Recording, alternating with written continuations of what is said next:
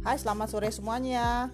Hari ini saya mau sharing ke kalian apa sih tips-tipsnya kalau kita bikin ekoenzim Jadi ekoenzim itu adalah uh, proses kita untuk buat uh, istilahnya pupuk cair ataupun cairan multipurpose atau cairan yang berguna. Jadi fungsinya adalah untuk mengurangi gas metana di bumi karena kalau kita melakukan buat kompos itu kan dia mengeluarkan gas metana ya.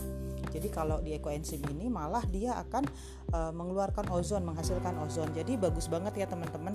Jadi untuk bikin ekoenzim ini diperlukan hanya gampang aja.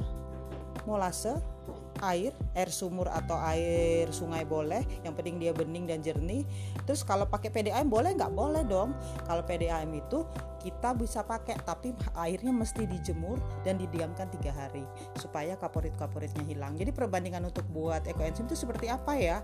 Itu perbandingannya 1, 3, 10. 1 molase, 3 kilo sampah dan 10 liter air. Jadi ya teman-teman, kita buat ekoenzim. Oke, okay, thank you.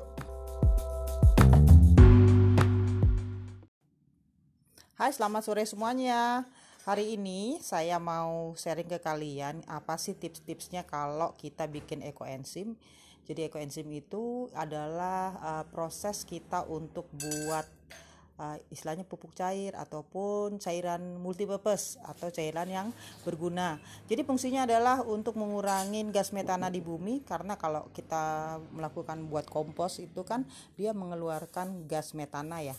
Jadi kalau di ekoenzim ini malah dia akan uh, mengeluarkan ozon, menghasilkan ozon. Jadi bagus banget ya teman-teman.